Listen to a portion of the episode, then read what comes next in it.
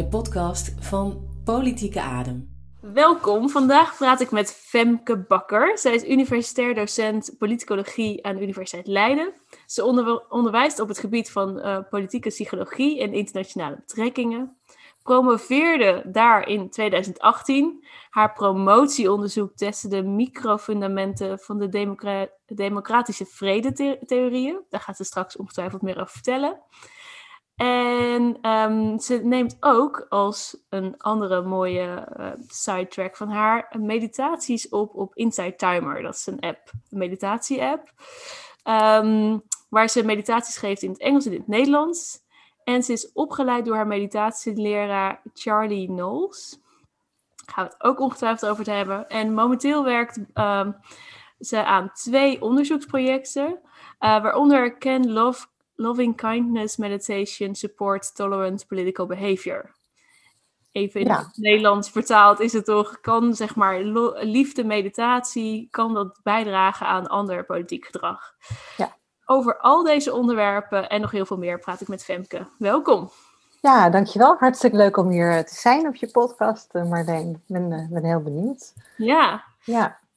Ik vind het een heel leuk initiatief ook, je podcast, om ehm, ja, een ander geluid te laten horen. Politiek is iets wat zo snel gaat over conflict, afzetten tegen elkaar. En uh, jouw initiatief om te laten zien dat er ook adem kan zijn, gesprek, uh, proberen elkaar te begrijpen, ook al denk je er heel anders af. Ja, vind ik een heel mooi initiatief. En ook heel leuk hoe uh, breed je mensen interviewt van heel veel verschillende kleuren en ideeën en achtergronden. Ja, dankjewel dat is natuurlijk ook, love and kindness is natuurlijk ook geen politieke kleur. Het is ook veel breder dan dat. Het heeft niet zo heel veel te maken met je kleur, meer met je houding. Precies, ja.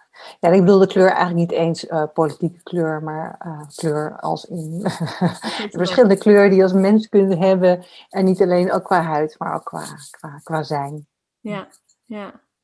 Kan je iets vertellen, misschien even bij het begin, uh, politicologie? Waarom heb je voor die studie gekozen? Ja, nou, um, het, was, het was eigenlijk mijn tweede studie, mijn tweede carrière. Ik ben uh, na mijn middelbare school heb ik eerst toneelschool gedaan. En uh, heb ik daarna uh, de hele tijd als actrice gewerkt. Mm -hmm. wat ik heel erg leuk vond, ik wilde ook van kleins af aan, wilde ik ook, ja, of astronaut of actrice worden.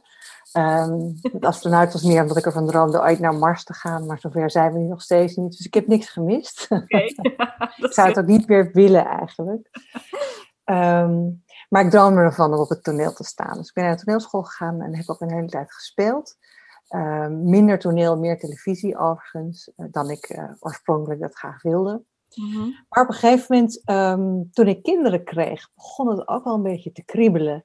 Uh, omdat ik dacht, ja, ik, ik kreeg heel erg de behoefte om weer te gaan leren. En dat kwam ook voort omdat ik op een gegeven moment was gaan schrijven erbij voor televisie. Ik, heb uh, voor een serie waar ik zelf inspeelde geschreven. En op een gegeven moment ook voor een soap uh, geschreven. Mm -hmm. En toen ik kinderen kreeg, begon ik meer journalistieke artikelen voor vrouwenbladen te schrijven. Maar ik miste ook kennis voor mijn gevoel. Ik dacht, van, waar weet ik nu iets over? Ik schreef heel veel over het krijgen van een baby. En, nou, dus daar waar ik zelf in zat. Ja. En ik wist iets over acteren, maar verder wist ik niet zoveel. En zomaar een mening hebben, daar, dat is niet iets wat heel erg bij mij paste. En ik had wel behoefte om weer te gaan leren. En toen, in der tijd, had de Universiteit Leiden een fulltime avondopleiding uh, in politicologie voor mensen die al gestudeerd hadden. En toen dacht ik, dat is eigenlijk wel heel erg interessant, want het combineert heel veel verschillende dingen waar ik in geïnteresseerd ben. Het gaat over de maatschappij en de rol die je in de maatschappij kunt hebben. Het is een beetje geschiedenis, het is wat over rechten, het is wat over politiek. Nou, het sprak me wel aan. Mm-hmm. Met toen de gedachte, dan kan ik daar eens iets over schrijven, om, om, om uh, ja, wat, wat breder onderlegd te zijn. Maar toen ik aan die studie begon, had je ook vakken waar je leert onderzoek te doen. En dat fascineerde mij zo snel dat je, ja, dat je dus vragen kon hebben en dat je een manier kon vinden om daar een antwoord op te vinden. En grappig genoeg, als ik nu terugkijk, sluit dat ook wel aan bij mijn acteurschap. Namelijk als actrice was ik heel erg nieuwsgierig naar waarom doen mensen wat ze doen? Waarom denken ze wat ze denken? Uh, en dat onderzocht ik dan eigenlijk heel uh, persoonlijk, heel intuïtief. Met mezelf. Misschien was ik ook wel mezelf aan het onderzoeken, omdat je ook nieuwsgierig bent. Als je Medea moet spelen, dan moet je je wel voorstellen of je, of je ooit zelf zover zou kunnen gaan om je kinderen te vermoorden, om je, om, je, om je geliefde die jou in de steek heeft gelaten te straffen. Nou, dat is nogal wat. Dus dat, is, dat vergt een onderzoek van je eigen donkere kanten, maar dus ook de donkere kanten van de mens. En nu gaat het niet per se om de donkere kant, dat komt door het voorbeeld van Medea.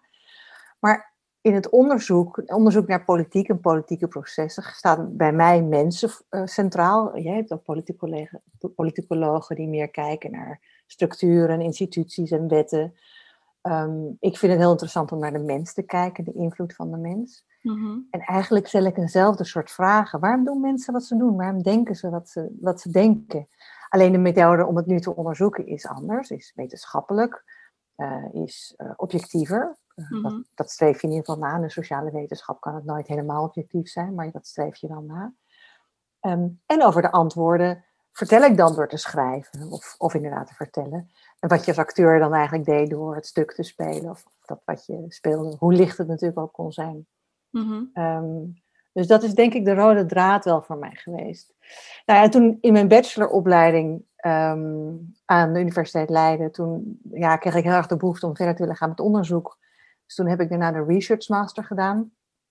En uh, dat was een tweejarige Research Master. Dat was wel heel grappig, want ik zat in een klas waar met z'n vieren in der tijd.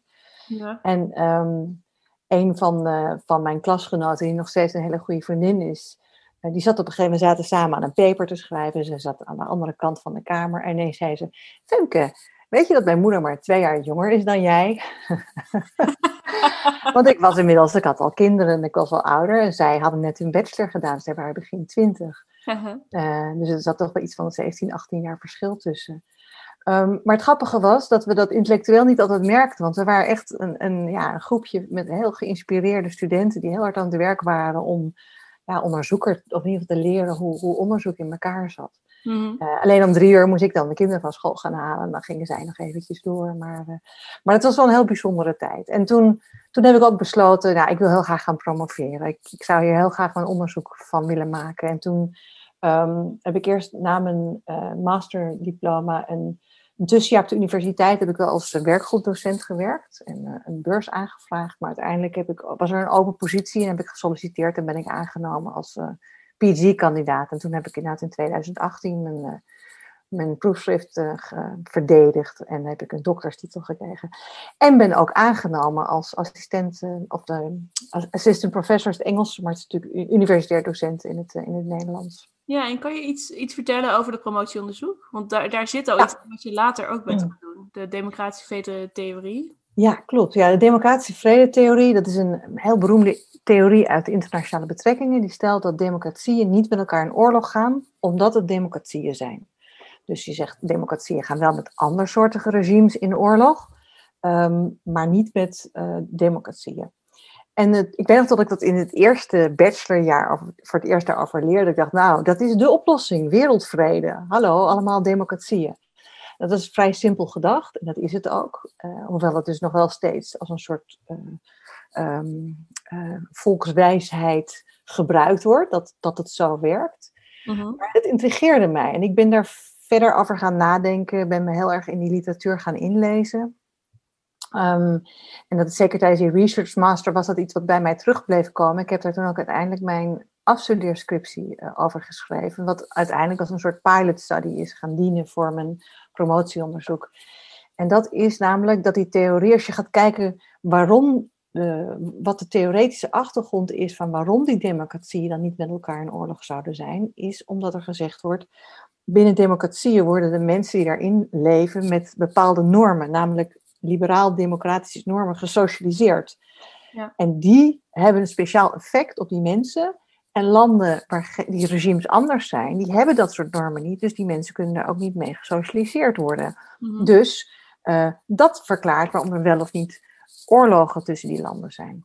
Ja, dus eigenlijk het systeem, zeg maar. Wat, het systeem, ja. Dus eigenlijk dat er een soort supersysteem is, dat zo'n invloed heeft op de bevolking, dat de bevolking ja, echt anders wordt dan de bevolking in niet-democratieën. Ja. En hoewel dat plausibel klinkt vanuit een democratisch oogpunt, hè, dus een, een, heel simpel voorbeeld dat ik altijd gebruik is als mijn kinderen toen ze klein waren op de achterbank aan het ruzie waren en elkaar de koppen insloegen, zei ik ook, hé, hey, kom op jongens, je moet erover praten, niet vechten. Maar met dezelfde gedachte zou ik denken, maar waarom zou een moeder of een vader in Noord-Korea of in China of in Rusland dat niet ook doen? Mhm. waarom, waarom zou dat alleen vanuit een regime uh, gecreëerd kunnen worden? Waarom zouden mensen niet ook al die kwaliteiten of die, die normen, die waarden kunnen, om, uh, kunnen omarmen en kunnen gebruiken? En toen dacht ik, ja, dat zou je dus moeten onderzoeken. Want bijna al het onderzoek wat aan zou tonen dat die democratieën niet met elkaar vechten, uh, er wordt gekeken op het niveau van de staten. Dus inderdaad, als je kijkt, democratieën hebben bijna nooit oorlog met elkaar. Maar om te zeggen dat dat komt door een proces in die democratieën onder mensen, dan moet je onderzoeken of dat waar is. En daar was nooit onderzoek naar gedaan. Uh, of in ieder geval niet op zo'n manier dat je dat kon vaststellen. Heel vaak werd er gewoon geassumeerd, ja, in democratieën werkt het zo en in niet-democratieën werkt het niet zo. Zonder dat daadwerkelijk aan te tonen. Dus toen zei ik, nou, dan moet je gaan, dus gaan kijken naar mensen van verschillende, die zijn opgegroeid in verschillende regimes. En dan gaan kijken hoe die binnen eenzelfde situatie, waarbij er een conflict is met een ander land, uh, of die inderdaad op een andere manier reageren. Zeker als ze weten of het andere land ook democratisch is of niet. Ja. Een experiment heb ik opgezet en uitgevoerd in, uh, in eerste instantie voor mijn masterthesis in China en Nederland, maar voor mijn, uh, mijn proefschrift uiteindelijk in Amerika, China en Rusland. En ik heb inmiddels nu ook het in Frankrijk en um, India uitgevoerd. Die data moet ik alleen nog analyseren binnenkort, dus ik kan het alleen maar over die eerste drie hebben. Mm -hmm. Maar wat eruit bleek was dat, um, dat ten eerste die liberale normen in al die landen aanwezig waren. En niet per se in dus Amerika als democratie heel hoog en in Rusland en China als uh, autocratische landen heel laag of afwezig. Nee, ze waren, ze waren eigenlijk vrij normaal verdeeld, waarbij dus de bulk net iets rechts van het midden zat, dus iets meer liberaal dan niet liberaal. En dat het dus verder zich verspreidde naar allebei de kanten. En dat er op beide extreme polen dus heel veel minder mensen, dus of extreem liberaal of extreem illiberaal waren. En dat patroon was in alle drie die steekproeven die ik had van die drie verschillende landen hetzelfde. De volgende stap was om te kijken, was dat nou ook van invloed op een beslissing? Als ze in een conflict situatie zitten met een ander land, waar het er ruig aan toe gaat, en dat andere land, dan weten ze of dat een democratie is of een niet-democratie. En daar gebruikte ik niet die woorden voor, maar ik beschreef eerder de praktijk van een democratie of een niet-democratie, omdat bij het woord democratie hebben heel veel mensen een bepaald idee. Bijvoorbeeld de Chinese participanten zouden heel goed denk, kunnen denken dan dat het een land is als China, omdat daar ook het woord republiek gebruikt wordt. Terwijl je als westers politicoloog een andere visie hebt, of in ieder geval een ander concept gebruikt voor wat een, een liberale democratie is. Maar ik beschreef de praktijk van een democratie en niet-democratie. Ehm, dat bleek ook op de juiste manier ervaren te worden. Dus, dus, dus um, participanten die uh, democratie beschreven kregen, zagen dat ook daadwerkelijk als een, als een meer democratisch land dan degene die dat als een niet-democratie beschreven kregen. Maar het bleek niet van invloed te zijn op een beslissing om al dan niet uh, een militair gevecht met zo'n land aan te gaan om het conflict op te lossen. Uh, het gedrag van het andere land bleek daar bijvoorbeeld of ze uh, een invasie pleegden of niet, of dat ze heel erg van tevoren um, hard power, dus het gebruik van uh, militaire oefeningen, vliegtuigen, uh, straaljagers die overvliegen, of meer zachtere machtspraktijken zoals een ambassadeur het land uitzetten, of dat van invloed was. Nou, dat bleek allemaal meer marginaal van invloed. Wat uiteindelijk meest bepalende was of dat de participanten dachten om een conflict op te lossen of niet, met, met het gebruik van militair geweld, was of zij havikachtig of duifachtig waren. En het havikachtig of duifachtig, dat is een term hè, die heel veel wordt gebruikt. Uh, een havik staat voor iemand die heel offensief is, die uh, sneller met uh, veel kracht en macht en poeha iets op wil lossen. Terwijl aan de andere kant een duif is die wil blijven praten, zacht blijft, vriendelijk blijft, altijd streeft naar vrede. Maar het is een continuum, dus er zit van alles tussen. -hmm. Het is niet zozeer het een of het ander, maar meer van hoe, hoe scoor je daarop. Toen bleek hoe havikachtiger mensen waren, en dat gold voor Amerika, maar ook voor Rusland, ook voor China, hoe meer ze bereid waren om door middel van militair geweld een conflict op te lossen en hoe duifachtiger ze waren, hoe meer ze eigenlijk bereid waren te blijven praten. Dat klinkt heel plausibel natuurlijk, maar die democratische vredetheorie zegt dat het er niet toe doet of jij een havik of een duif bent. Die Ah. zegt, het doet er alleen toe in wat voor land jij opgroeit en hoe jij gesocialiseerd bent met normen.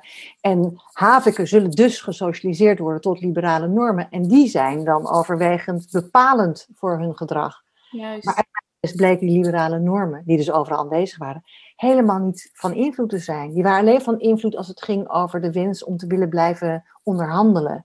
Maar niet als het ging om aan te vallen. Ook niet als het ging om andere, bijvoorbeeld eh, nucleaire wapens te bouwen. Of om eh, economische betrekkingen te bevriezen. Dus allerlei andere policy options die ze ook nog eh, hadden kunnen, kunnen kiezen. Die havikachtigheid bleef eigenlijk het beste verklaren waarom men al dan niet tot, tot, tot oorlog over zou willen gaan.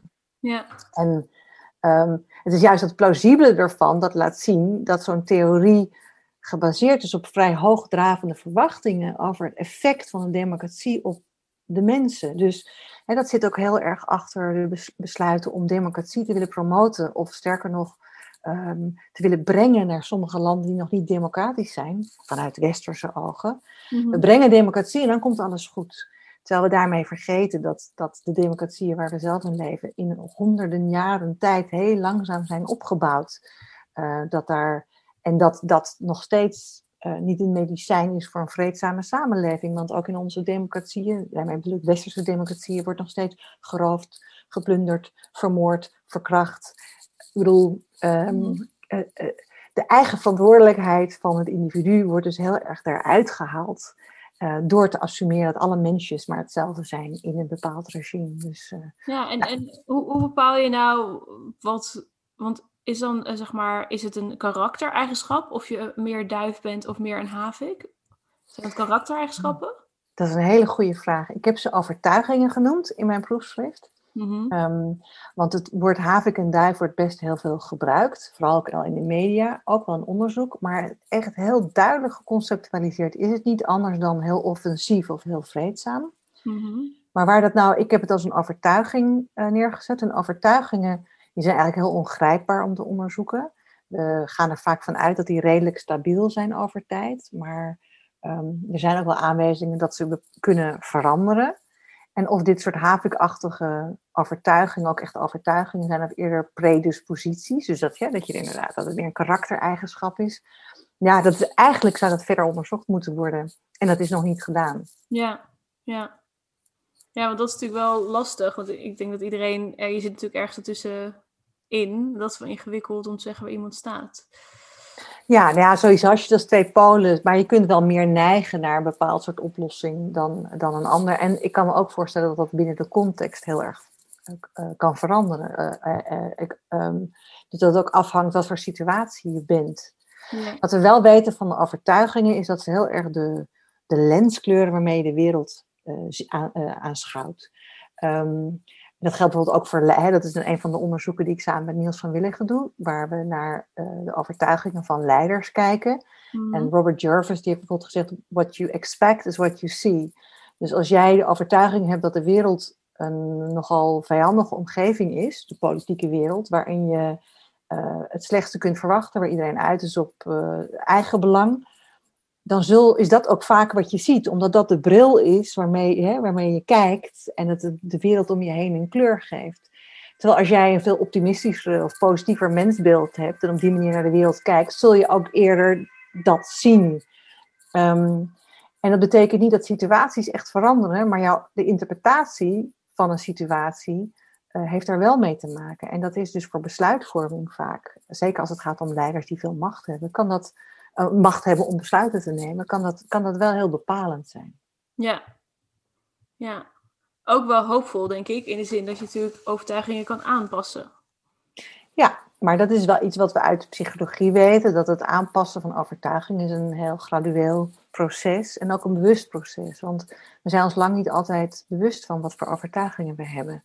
Eh, als ik ook wel naar mezelf kijk, eh, eh, soms denk je dat je weet dat je overtuiging is, totdat je ergens tegenaan loopt en denkt, oh, maar blijkbaar zit dat toch dieper geworteld. Hè? Je kunt ook een onderscheid maken tussen kernovertuigingen die echt heel erg gaan over wie ben ik in mijn wereld en overtuigingen over de wereld om je heen. Wat je kunt verwachten van mensen die je kent, mensen die je niet kent. En dat is een heel complex soort netwerk wat met elkaar verbonden is.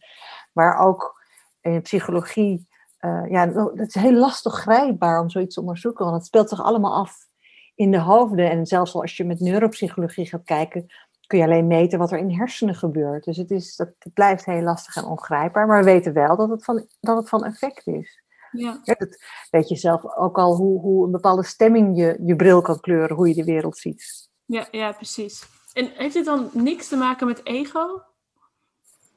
Wat bedoel je met ego? Is dan mijn, ja, conceptueel. conceptueel is ego natuurlijk ook niet. Uh, volgens mij is dat geen concept. Het is heel moeilijk te conceptualiseren. Um, maar ja, zeg maar, maar dat is dus dan overtuiging. Dat nu merk ik dat ik een overtuiging heb. Ik heb een overtuiging dat als je, uh, als je iets meer ego hebt, dat je misschien ook sneller een havik bent. Maar dat is, dat is denk ik een overtuiging die ik heb. Ja, als ik jou goed begrijp, is ego dat je, dat je. Denk ik dat je bedoelt dat op het moment dat je het heel belangrijk vindt hoe jij in de wereld staat, dat, dat, dat de manier waarop jij de wereld ziet voor waar wordt aangenomen, zoiets, zoiets dergelijks? Ja, nou ik denk wel dat je, als je meer ego hebt, dat je snel overtuigd bent van je eigen gelijk en ook misschien wel het heel erg gezien wil worden. En dan ben je denk ik in mijn optiek sneller een havik dan een duif. Ja. ja, ik weet het niet. Tenzij jij al heel erg een sterke overtuiging hebt dat, dat jij de, de vredesbrenger van de wereld bent. En als dat onderdeel is van jouw ego, kun je natuurlijk net zo goed een, een, eh, een duif zijn. Ik vind het woord ego altijd een beetje lastig. Ik gebruik het zelf ook wel hoor, um, in mijn normale taalgebruik. Maar we hebben heel vaak connotaties bij. Hè? Ego komt van je van egoïstisch of egocentrisch. Ik zet het ik nu centraal en de rest doet er niet toe. Um, Ehm, aan de andere kant zou je, als je, maar goed, dan spreek ik misschien meer als meditatiedocent dan als uh, wetenschapper. Maar ehm, is denk ik het, het onderkennen van wie je bent en het zachtaardig met jezelf omgaan, uh, wel een eerste basis voor het prettige en zachtaardige omgaan met andere mensen. Mhm. Dus in die zin hoeft een ego ook helemaal niet iets slechts te zijn. En wat je vaak in een meer spirituele kring hoort, oh, dat is ego. Dan denk ik, ja, maar wat bedoel je dan met ego? Moeten we dan helemaal oplossen en verdwijnen? Ik denk dat elk individu van waarde is en van invloed kan zijn.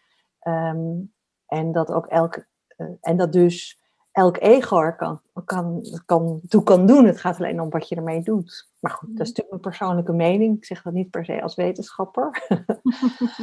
Maar wel hoe, ik erover nadenk, zeker als ik nadenk over uh, nou ja, hoe, hoe, hoe ik zelf denk over meditatie, hoe dat op mezelf reflecteert, hoe ik daarmee beter voor mezelf zorg. En ik merk hoe beter ik voor mezelf zorg, hoe, ik, hoe zachtaardiger ik ook voor mijn omgeving kan zijn. En omgeving, dan bedoel ik niet alleen mijn directe omgeving, maar dan bedoel ik ook in interacties op straat, omdat iemand je afsnijdt of um, te dichtbij komt deze tijd trouwens. Dat is weer mhm. iets anders.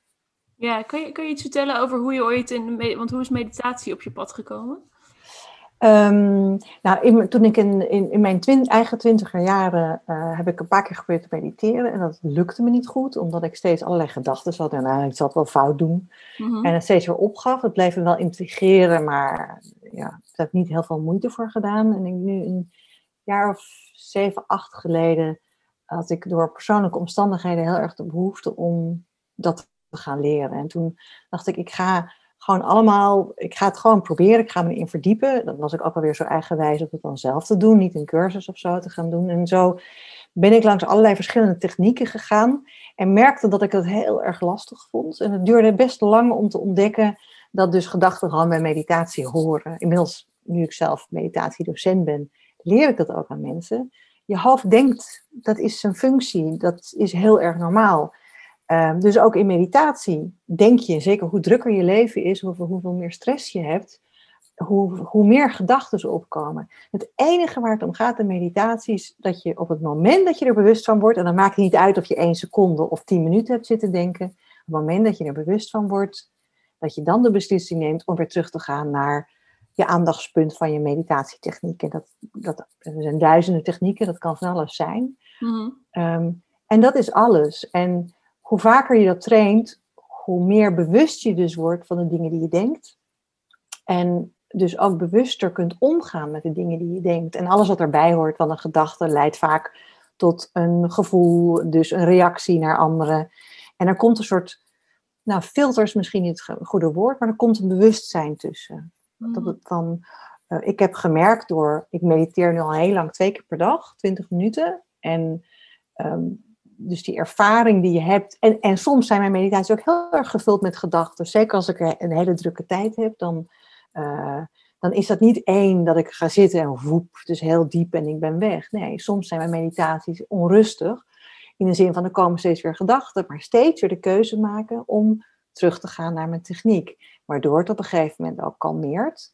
Um, en dan weet ik dat mijn dus, dus het afmeten van een goede meditatie zit hem daarin. En niet of je volkomen zen en diep bent geweest. Dat kan heel prettig zijn. En dat is ook waar mensen er vaak mee doorgaan. Maar het is uiteindelijk meer trainen, haast van als het trainen van een spier, maar dan het omgaan met wat in je eigen geest gebeurt. Mm En um, nou ja, omdat het mij best lang uh, duurde tot ik een techniek vond. Want op een gegeven moment had ik een techniek die, die, wel bij, die bij mij paste. En waardoor het heel makkelijk ging. En waarna ik ook merkte, toen ik het, het paadje had gevonden en begreep hoe het werkte, dat ik ook andere technieken makkelijker kon gebruiken. En toen dacht ik, ja, dat is ook weer het eigenwijze in mij, dat ik dan heel graag tot mijn eigen manier wilde uitvinden. Um, ik ben altijd een beetje huiverig om in een clubje terecht te komen waar iemand zegt, zo moet het. En dat is de enige manier. Dat, dat, dat is iets waar ik altijd een beetje gevoelig, dat ben ik, zo zit ik in elkaar, een beetje gevoelig voor ben. Dus dat wilde ik niet. Mhm. En dat klopt ook wel, omdat ik dacht, ja, maar zo werkt het ook niet. Als je wil leren mediteren, dan moet je eigenlijk het, het als eerste een vorm vinden die bij jou past. Hoe jij in je leven zit, um, op wat voor manier jij graag ontspant, gedachten kunt loslaten, gewoon van nature. Want iedereen heeft dat. Maar de ene doet dat door hard te gaan, uh, te gaan hardlopen. Een ander doet het door met een kop thee op de bak te gaan zitten. En een ander doet het door in het gras te liggen, naar de wolken te kijken en zichzelf niet meer te voelen. En zo zijn er nog heel veel andere verschillende manieren. Maar als je wil beginnen met mediteren, geloof ik heel erg dat de, um, dat de eerste ervaringen zo gemakkelijk mogelijk moeten zijn. Zodat je begrijpt, oh, het is niet zo moeilijk. Dit kan ik best elke dag tien minuten doen om te beginnen. En als je mhm. daarmee begint, dan merk je dat het... Want je kunt je iemand wel opleggen, ja, je moet nu elke dag mediteren en je moet... Maar dat, dan is het weer iets wat je van buiten oplegt. Maar als je gaat ontdekken dat je van binnenuit het heel prettig wordt om een manier te vinden om die rust te vinden, om je te verhouden tot je gedachten en eigenlijk zijn die gedachten, zou je misschien wel het ego kunnen noemen. Dat alles wat er maar reageert op alles om je heen en wat er gebeurt, dat je dat, daar een beetje los van kunt zien. En niet om het te veroordelen, om te zeggen, hé, hey, dat klopt helemaal niet. Maar wel om te zien, hé, hey, maar wil ik hier nu iets mee? Want sommige gedachten zijn ongelooflijk interessant en goed. En misschien wil je daar wel iets mee. Sterker nog, als je stilte vindt en uit meditatie komt of zo, er bijna uitkomt, komen soms de beste inspiratie. Dat, hè, jij mediteert zelf ook jij, en je doet aan yoga, dus je weet ongetwijfeld waar ik het over heb. Dan, dan komen die dingen, dan, ja, dan, dan komen soms juist die pareltjes naar boven, omdat je die rust vindt. En, en in die zin kan je het ook heel goed toepassen op allerlei vormen van, van het leven, om, om daar wat mee te doen. Dus um, toen dacht ik, ja, ik wil het heel graag aan mensen gaan leren. Ja. Je bent dus zelf ook docent gaan worden? Ja. En hoe, hoe, ja, je noemde je meditatieleraar. Is dat, een, is dat iemand die we moeten kennen? Ik weet het niet. In, uh, hij is een Amerikaanse meditatiedocent, Charlie Knowles. Um, zijn, uh, zijn vader is een, een, een, grotere beroemdheid in de meditatiewereld. Die ooit begon uh, in de jaren zestig bij de, de Transcendental Meditation. ik wil beweging zeggen, dat is niet zo aardig. Maar Transcendental Meditation en op een gegeven moment er afscheid van is genomen en toen uh, zelf verder is gegaan. En, en Charlie is uh, daar ook binnen, uh, binnen die traditie op, opgevoed, opgegroeid als meditatiedocent. Um, maar het leuke van de meditatiedocentcursus die hij gaf, is dat je kennis maakte met heel veel verschillende technieken. En hoe je die kon leren aan mensen. En zijn, mijn punt zou, of mijn focuspunt dan zou vooral zijn. Um, Wacht even, ik hoor een kat hoesten. Gaat het goed met de kat? ja, of een haarbal of zo. Oké, ik leidde even af, sorry. Geen probleem. Oké, Ehm, pak hem even terug. Ehm, Charlie. Oké, ja, dus Charlie, dus, ehm, dat er dus verschillende technieken, eh, dat, er- dat je leerde heel veel verschillende technieken en hoe je die kon leren aan mensen. Zijn ehm, focus was meer in dat je met verschillende technieken tot verschillende mindsets kunt komen. Ehm, wat denk ik ook wel waar is. Mijn visie is eerder, ja, je hebt eerder, je hebt al een mindset en een van die technieken past daar goed bij eh, om te kunnen beginnen. Maar inmiddels ben ik ook wel meer gaan nadenken over het toepassen van meditatie. Nou, dat is ook wel de, de cursussen die ik nu op, op Insight Timer verzorg, hebben ook wel meer te maken met hoe je meditatie kunt gebruiken om een bepaald doel te bereiken. Dus een van die cursussen is bijvoorbeeld het, het cultiveren van tolerante, hij is in het Engels, maar het cultiveren van meer tolerante gevoelens ten opzichte van mensen die heel anders denken of zijn dan jij. Vooral in een politieke context, maar het blijkt vooral uit de reacties van studenten die dat hebben gevolgd. ehm, dat ze het eigenlijk veel breder inzetten. Dat zijn heel veel Amerikanen die het volgen, wat ik ook wel snap, gezien de huidige situatie eh, in eh, Ja. Amerika. Zeker nu, vandaag, notabene, op eh, precies. 3 november. Ehm, dat ze zeggen, ja, ik- begon dat omdat ik last had van de polarisatie en ik, ik wilde kijken hoe ik daarmee om kon gaan. Maar ik merk nu dat ik eh, de, de, moeilijke relatie met mijn moeder aan het helen ben. En dan denk ik, wauw, wat, wat fantastisch eigenlijk. Het is vaak dat de, de feedback die ik krijg op Insight maar zowel op de geleide meditaties als die cursussen, dat die vaak nog meer betekenen dan dat mijn papers, eh, mijn wetenschappelijke papers eh, goed gelezen worden of zo. Dat is ook een bijdrage natuurlijk, vooral in het denken over. Mhm. Hier maak je echt een verschil, omdat je, ja, het zijn natuurlijk wel steeds maar het één mensje, maar dat je dus iets, iets, iets creëert op basis van een idee wat je hebt en dat mensen daarmee geholpen zijn. Ja, dat vind ik wel heel bijzonder. Ja, mooi. Wat fijn. En die meditatie heb je dan ook weer gecombineerd met je onderzoek. Ja. Ja, dat vond, ik, dat vond ik wel heel erg leuk, omdat ik, dus die democratische vrede, ik heb dan nog die, die, ehm, die eh, experimenten in Frankrijk en in India uitgevoerd. Ben ik ook wel heel nieuwsgierig om die ook nog toe te voegen. Mhm. En ik, eh, ik heb nu ook een, ehm, een contract om een dissertatie als een boek uit te geven, een herschreven versie ervan. Dus dat vind ik ook wel heel leuk. Maar dan wil ik het onderwerp ook wel weer een beetje laten rusten. Mhm. Maar de conclusie was voor mij, ehm, individuen doen ertoe. Dus ook individuele verantwoordelijkheid, het, eh, de invloed van het individu doet ertoe. En dat is wel iets wat denk ik centraal staat in, in al mijn werk. Dus ook mijn onderzoek naar de overtuigingen van leiders samen met Niels van Willigen. Het individu, het leidersindividu, doet ertoe. Mhm. Tuurlijk altijd in context met grotere structuren en met andere mensen. Het is nooit alleen het individu, maar in de politicologie wordt het heel vaak niet gekeken naar de individu en wordt er geassumeerd dat al die mensen maar op dezelfde manier zullen reageren. En daar verzet ik me dan dus een beetje tegen.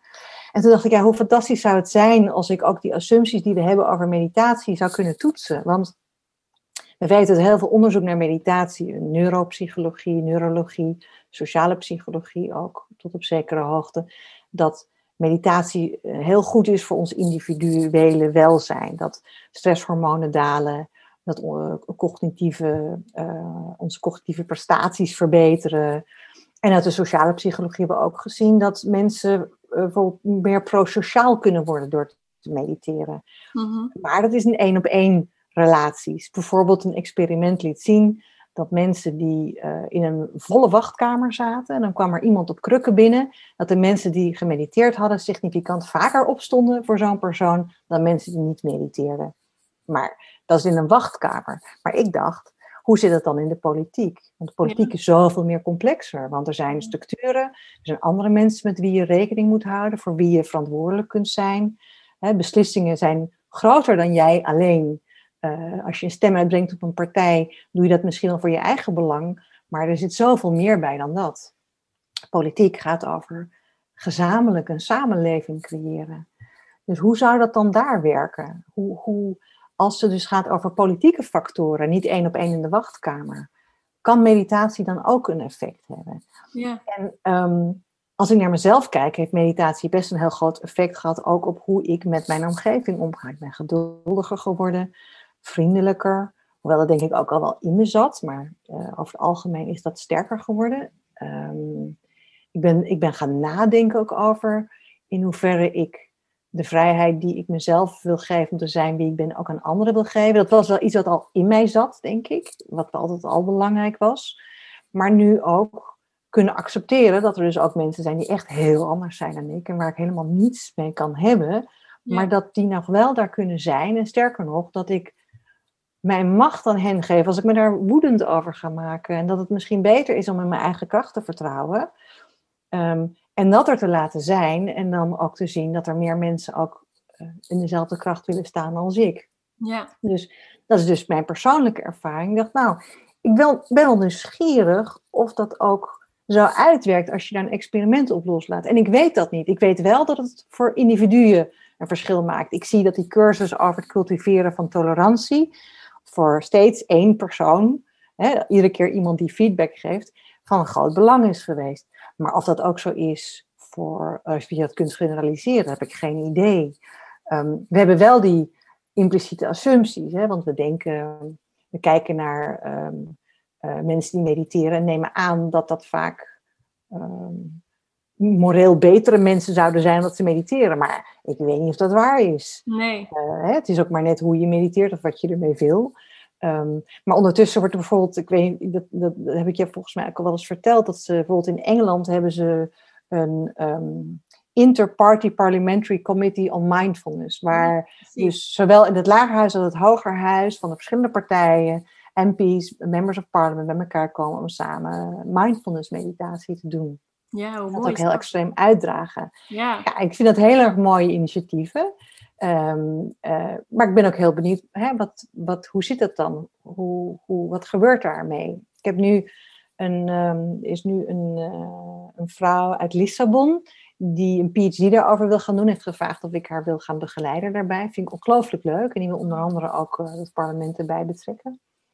Um, en er is ook wel meer onderzoek. Dus het is in, binnen de politicologie wordt er nog heel weinig in onderzocht. Sociale psychologie wel. Dus ik probeer nu die brug te slaan naar die politieke factoren.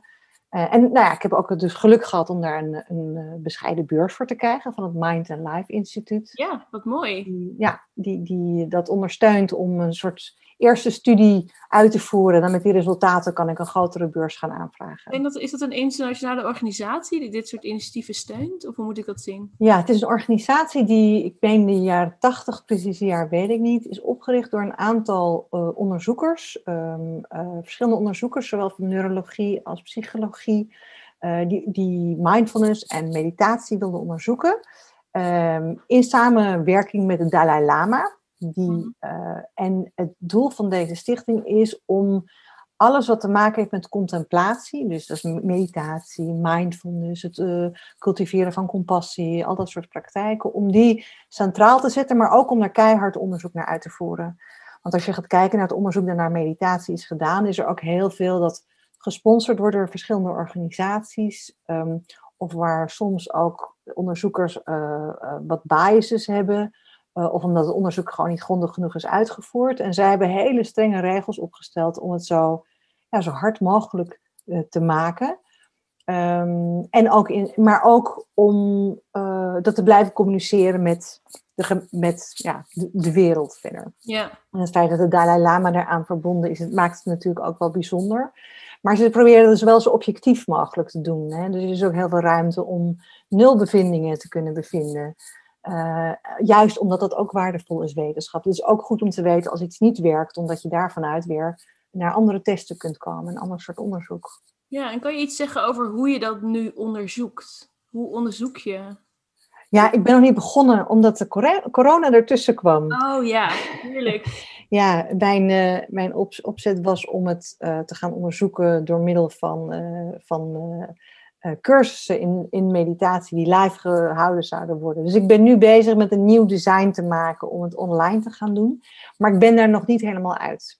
Maar het belangrijkste kern is uh, in ieder geval dat er wordt gekeken of er. Want ik focus hierbij op loving kindness meditation, dus of Mhm. metta-meditatie uit, uit het Bali. Dat is een specifieke meditatietechniek waar je actief focust op het cultiveren van liefde, naar je, en liefde en compassie naar jezelf en daarna naar anderen. Eerst naar mensen die dichtbij staan, dan naar mensen die wat neutraler zijn en dan uiteindelijk ook naar mensen met wie je moeite hebt of die iets bij je hebben opgeroepen. En dan vervolgens dat je het de hele wereld, alle levende wezens toewenst. Het is een hele mooie meditatie ook om te doen. Als je hem doet, voel je ook echt de kracht daarvan, vind ik zelf. Ehm, en er blijkt uit onderzoek dat deze een van de snelst werkende meditaties als het gaat om een effect te hebben. Dus gewone mindfulness meditatie of de meditaties waarbij je de stilte en de rust in je hoofd zoekt, hebben vaak heel veel meer uren in totaal nodig voordat er uh, een effect te zien is in bijvoorbeeld attitudes. Uh, er is heel, heel veel, ook heel veel onderzoek naar uitgevoerd. En je ziet bijvoorbeeld onder um, echt monniken, de mensen die meer dan 40.000 uur gemediteerd hebben, dus die, die, die nou, zeg maar de, de, helft van de dag mediteren en dat dan heel veel jaren lang, mm-hmm. dat er wel echt hele grote verschillen zijn. Alleen als het gaat om de hersengolven die zij hebben. Um, maar bij Loving Kindness Meditation blijkt dus dat je een, na acht uur in totaal dat te hebben gedaan, consistent. Dat, laten we zeggen dat je dat dus een maand lang een kwartier per dag doet. Ja. Mensen na, na die acht uur significant uh, uh, hogere of meer pro-sociale attitudes hebben. En dat bijvoorbeeld impliciete biases hè, die je kunt hebben, waarbij je dus een bias die je kunt hebben ten opzichte van iemand van een ander gender, een ander ras, andere seksuele geaardheid, of wat voor bias je dan ook kan hebben. Vaak terwijl je niet eens zo heel bewust bent. Dat is heel vaak cultureel bepaald, zonder dat je er heel bewust van bent. Maar ook dat dat minder werd na dus een bepaalde periode die love and kindness meditation te hebben gedaan. Dus ik vond dat wel interessant om te zeggen, nou, dan ga ik, dan ga ik dat onderzoeken. Dus ik heb inmiddels één klein online experiment uitgevoerd. Die data is net binnen, die moet ik ook nog analyseren, dus daar kan ik niet veel over zeggen. Mhm. En dan deze grotere studie die dat ook met meer uh, politieke factoren en ook met um, een politieke hypothese gaat toetsen. Omdat bijvoorbeeld binnen de politicologie wordt geassumeerd dat uh, door contact te hebben met elkaar en te luisteren naar elkaar, uh, te debatteren met elkaar, dat daardoor ook begrip kan staan als je heel erg tegenover elkaar staat. Ja. Maar er is empirisch bewijs dat dat waar is, maar er is ook empirisch bewijs die laat zien dat dat juist meer polarisatie in de hand kan werken. Dus het is niet zo heel. Dus het is een hele mooie ehm, alternatieve hypothese om ook mee te nemen, om te kijken ja, hoe, wat, wat het verschil dan kan zijn met, met een vorm van meditatie. Ja, en ik kan me herinneren uit het voor, wij, wij hebben elkaar voor corona gesproken nog, dat we toen ook over het effect van debat en debattraining hebben gehad. Ja, klopt. Ja, dat is, dat is die alternatieve ja. uh, groep. Ja, om te kijken. Ja. Wat, ja, waarbij je natuurlijk bij het debat leert om die stelling die je hebt te gaan verdedigen. En als het een stelling is die ver van jouw bed is, zul je toch moeten gaan zoeken naar de juiste argumenten. En door dat proces uit te voeren, kan het zijn dat je in ieder geval begrip kunt krijgen voor de situatie.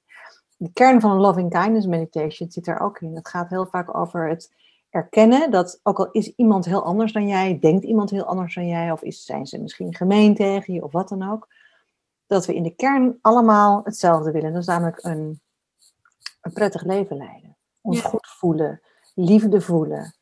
Ehm, en dat de manier om dat te bereiken bij anderen misschien in jouw ogen verschrikkelijk kan zijn, maar dat dat niet minder waardevol is voor die persoon. En, en dat je als je op basis daarvan kunt verbinden, is het ook makkelijk om de stap te kunnen zeggen, nou ja, laten we dan het eens zijn dat we het oneens zijn. Hè? Dus, Ja. dus daar zit volgens mij die waarde van het kweken van die tolerantie in. Wat je dus uit die cursus, uit de reacties zie je, dat dat voor mensen, in ieder geval steeds per één persoon, dat dat wel zo lijkt te werken. Maar goed, dat zijn natuurlijk mensen die cursus zien en denken, oh ja, dat wil ik, daar ben ik naar op zoek. Terwijl ik nu iets ga testen, waarbij je zegt, nou, dit zijn misschien ook mensen die helemaal niet weten wat ze gaan doen. Ehm, eh, in die zin zijn het geen mensen die per se willen mediteren. Ze weten ook niet in wat voor groep ze terechtkomen. Dus wordt het een veel spannender onderzoek. Werkt het ook zo voor mensen die misschien niet per se er open voor staan? Ja. Want dat is natuurlijk, hè, stel je voor dat het eruit komt. Ja. Dit werkt heel goed. Je kunt niet eh, de hele wereld of heel Nederland gaan opleggen om te gaan mediteren. Want Nee. dat, is, dat blijft een vrije keuze. Je kunt, dat zou ik ook niet willen. Ik, ik, ik kan hoogstens mensen aanraden om het te doen en mezelf als voorbeeld te nemen. Maar verder is iedereen vrij om dat wel of niet te doen. Er zijn ook heel veel andere manieren Ik natuurlijk. denk wel, als het, als het bewezen is dat het werkt, dat dat zeker voor politici die toch heel erg eh, geloven in de wetenschap, eh, een reden zou kunnen zijn om daarmee te beginnen. Ja, ja bijvoorbeeld. Ja. Of, of om erover te denken op wat voor manier je dit heel uh, voorzichtig zou kunnen implementeren op een basisschool. Als je daar al kinderen leert om af en toe samen te zitten, hun ogen dicht en samen te ademen. Alleen dat al kan zo'n gevoel van uh, we zijn samen hier nu, die verbinding. Mm Want dat is natuurlijk wel waar ik net mee begon. Politiek is, is per definitie heeft het iets antagonistisch. Hè? Het, uh, groepen tegenover elkaar. We moeten de macht verdelen, we moeten de, de, de bronnen die er zijn verdelen. Maar we willen allemaal hetzelfde. Op een andere manier denken we dat te kunnen bereiken. Ja. Maar als we nu eerst gaan herkennen dat, dat er iets is wat hetzelfde is, ook al denken we er anders over hoe we dat bereiken, maar dan heb je wel een, een, een gemeenschappelijk algemeen doel. Uh, en ik denk dat dat verschil zou kunnen maken. Maar zo zit de politiek op dit moment niet in elkaar. En dat is waar ik, wat ik denk dat, dat het werk dat jij doet en hoe je daarbij inzet om ook uh, actief politici uh, kennis te laten maken met meditatie en, en, en dit soort visies, dat, dat vind ik heel erg mooi. Ik denk dat dat heel belangrijk is. Ja, ja iets waar ik nog wel mee struggle is dat ik wel mensen ken, ook in de politiek. En ook wel mensen herken die dit, dit ook heel erg proberen, maar dat het toch nog een, ja, ik wil het woord systeem niet gebruiken, of een cultuur is, een soort politieke cultuur, waar het spel soms toch nog heviger is. En dat, dat jij dan wel heel erg zen in de politiek kan zijn. Maar dan blijft het toch nog heel lastig om in het heetst van de strijd dan heel erg bij jezelf te blijven. Dat is gewoon, dat blijft heel ingewikkeld. Ja, ja en, en, maar het is ook niet iets wat je dan 1, 2, 3 leert. Hè? Want je, als je al heel erg veel jaren hetzelfde doet op een bepaalde manier en je komt tot het inzicht dat je het anders wilt, betekent nog niet dat het heel makkelijk is om te doen. Zeker niet als je ook gewend bent dat het op een bepaalde manier aan toe gaat. Dus dat is ook een van de dingen um, die, waarvan ik denk dat die heel erg belangrijk zijn. Als je zegt dat individu doet ertoe, dat je dus ook altijd bij, bij jezelf moet beginnen. Uh, en en um, ja, ik denk wel dat het dat door te gaan mediteren, hè, wat, voor, wat voor vorm van meditatie ook, ook doet, wel dichter kunt komen op jouw kern van wat vind ik nu belangrijk en waar sta ik voor? Ja. En in hoeverre wil ik dat uitdragen en daarvoor blijven staan? Ja, precies. Maar en, en ik geloof ook echt dat dat helpt. En ik denk ook dat dat, heel, dat dat ook heel confronterend gaat zijn voor andere mensen natuurlijk ook. Want iedereen ook wel voelt wat echt is en wat niet echt is. Dat is een soort, mm-hmm. ons onderbewuste voelt dat. Maar ik, ik denk dat er in de politiek ook heel veel structuren zijn ontstaan vanuit angst. Uh, ik noem maar bijvoorbeeld fractiediscipline. Dat is natuurlijk ook een idee van uh, een uh, politieke partij is een merk. En dat merk moet één boodschap uitstralen. En je mag eigenlijk niet afwijken van die boodschap, wat het dan ook is. Dat verschilt per partij. En maar daardoor worden eigenlijk individuen die binnen zo'n organisatie zitten, heel erg in een soort keurslijf gedwongen, die, die zich niet altijd dient. Ja. Um, ja. Ja, ik kan me voorstellen dat dat heel lastig is. Ik heb er ook niet 1, 2, 3 zou ik daar een oplossing op weten. Anders dan dat ik ook denk dat is ook een proces. Ja. Het is ook een proces van, ja, eh, dan toch uh, roeien met de riemen die je hebt blijven staan waarvoor je staat. Maar dat, dat hoeft ook. Want als je tegen alles waar je tegenaan duwt, dat duwt terug. Ja. Dus als je inderdaad, kan ik me zo voorstellen. Ik heb zelf gelukkig nooit in de politiek gezeten. Maar als je in een fractie zit en je voelt die discipline, je gaat er tegen duwen, dan heeft dat geen effect. Want ook als je, als je gaat duwen vanuit de positie van, nou, maar dit is niet goed, uh, dan creëer je ook zo'n soort energie. Terwijl op het moment dat je zegt, oké, maar dit is mijn waarde en hier vanuit wil ik met anderen omgaan en daar ga ik voor staan. Um, en dan kijken wat er gebeurt. En dan kan er nog steeds die fractiediscipline om je heen zijn, maar ik geloof ook in mensen die authentiek in tune zijn met, met waar zij voor staan. En dat kan soms misschien maar één punt zijn wat je te pakken hebt en nog niet alles. Mm -hmm. uh, dat kan wel een effect hebben, want het doet er dus wel toe, volgens mij, um, wat elk individu, waar elk individu voor staat. Maar we zijn zelf ook geconditioneerd door alle normen van de maatschappij, of de normen van de organisatie, of van de fractie, zoals, je hier ook noemt. Uh, en het kost ook tijd soms om te beseffen dat we die normen ook in ons achterhoofd hebben. Oh, maar zo moet het eigenlijk. En dat, dat het is een bewuste keuze, steeds weer, om daar afstand van te nemen. Want we kunnen het wel beseffen, maar doen is iets anders. We hebben zoveel onbewuste ingesleten patronen op basis van wat we eerst aannamen. Ja. ja, ik zou het zelf heel verfrissend vinden als ik veel meer de mens achter de politicus zou zien. En die ook af en toe gewoon kan zeggen, nou, ik denk hier anders over. Uh, Maar ik stem hier, nou ja, om die en die reden wel mee of niet mee. Precies, ja. Dat ik dat best zou begrijpen. Ja. Um, maar je bent gewoon steeds mens en je kan altijd voor's en tegens hebben. En ja. soms lijkt het zo zwart-wit, terwijl er is natuurlijk heel veel grijs in de politiek. Ja. Er zijn gewoon verschillende belangen. Het is geen makkelijke keuze. Ja, nou, ik vind dat je dat heel erg mooi zegt. Want dat is, uh, dat is ook hoe ik erover denk. Dat, um, dat, het, dat, het, dat het de verantwoordelijkheid nemen voor, voor wie je bent en waar je voor staat. En dan ook nog kunnen zeggen dat je, om een, dat je dus een afweging hebt gemaakt op basis daarvan een beslissing neemt of maakt. Dus bijvoorbeeld, ik vind eigenlijk dit, maar goed, het is voor mij ook heel erg belangrijk om de cohesie van mijn fractie te hebben. Dus ik stem wel mee, hoewel ik mijn hart daar niet in zit, maar het zijn andere afwegingen geweest. Dan denk ik dat je daarmee ook mensen bereikt en ook laat zien dat samenwerking ook mogelijk is.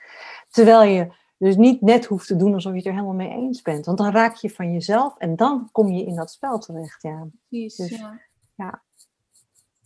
Mooi. Mooie inzichten. Ja, leuk. Leuk, leuk. Ik vond het de vorige keer dat we spraken ook al zo leuk en ja. inspirerend. Dus, ja, ik moet eigenlijk wel even aan denken, want net voordat we begonnen zei van dat je soms zelf natuurlijk ook mee worstelt met een eigen mening hebben en toch ook wetenschapper zijn. Hmm. Is, is dat hetzelfde of is dat anders?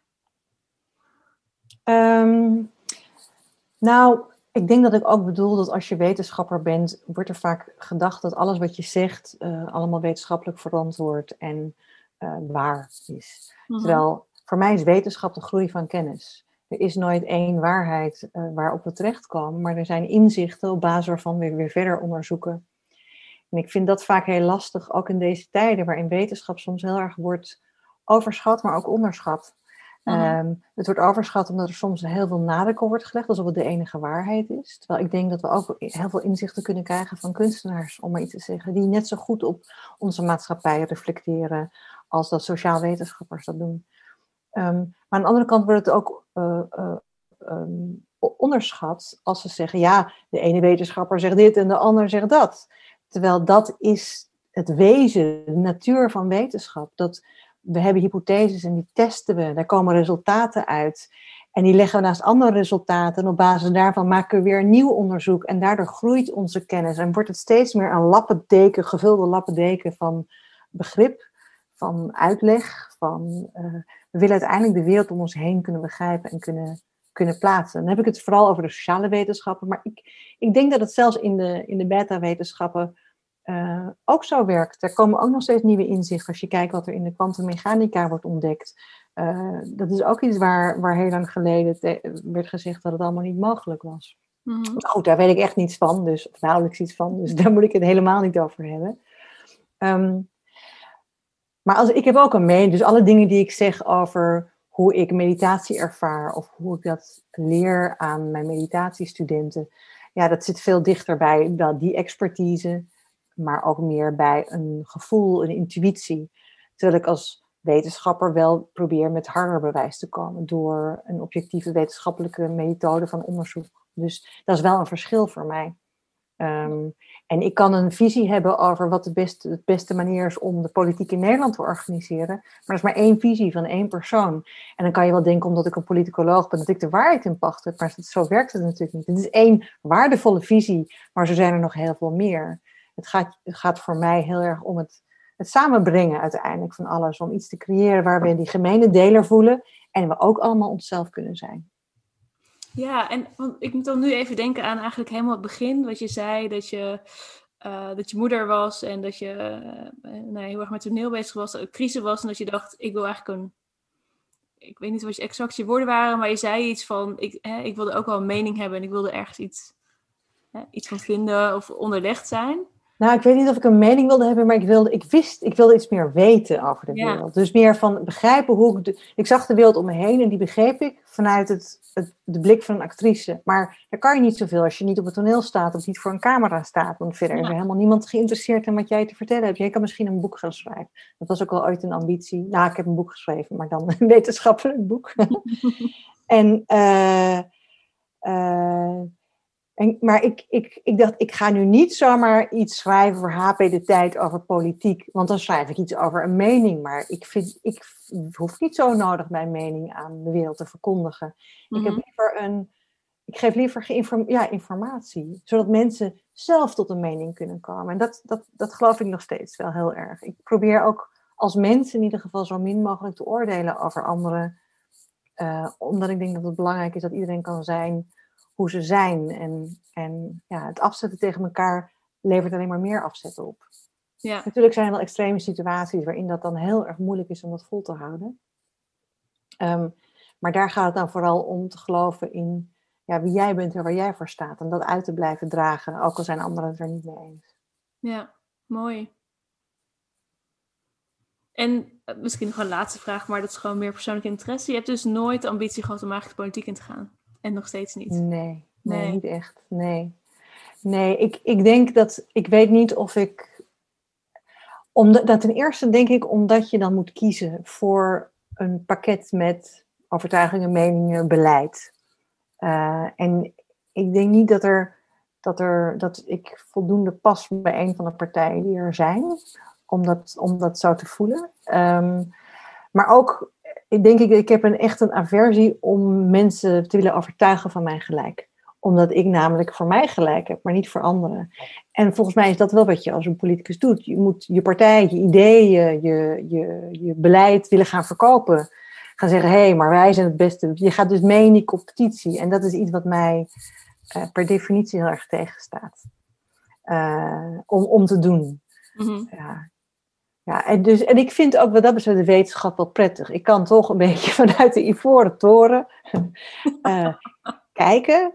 Ehm, maar eigenlijk kijk ik niet eens zozeer naar politiek. Ik kijk eerder naar de politicologen die het bestuderen. En ik zeg, hé, hey, maar kijk eens, individuen doen er ook toe.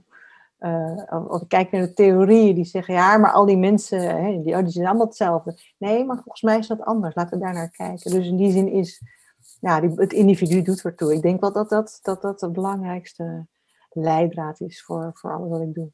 Ja, mooi. Ja. Dankjewel. Ja, graag gedaan. Ja. Leuk gesprek was het. Dank je Ja. wel. Ja. Zou je nog iets willen zeggen? Is er nog iets wat ik niet gevraagd heb? Of... Volgens mij heb ik al heel veel gezegd. Nee, het is niet, niet iets wat er meteen... nou, alles weet ik niet, maar het schiet me nu niet iets te binnen waarvan ik denk, ja, dat zou ik nog wel willen zeggen.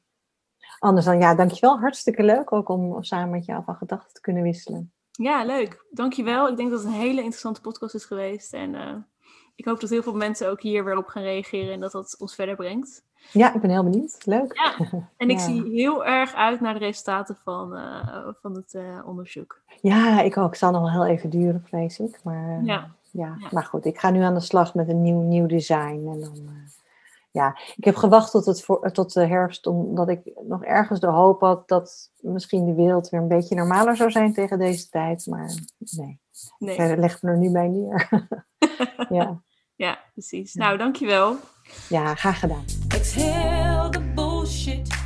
Dankjewel voor het luisteren naar de podcast van Politiek Adem.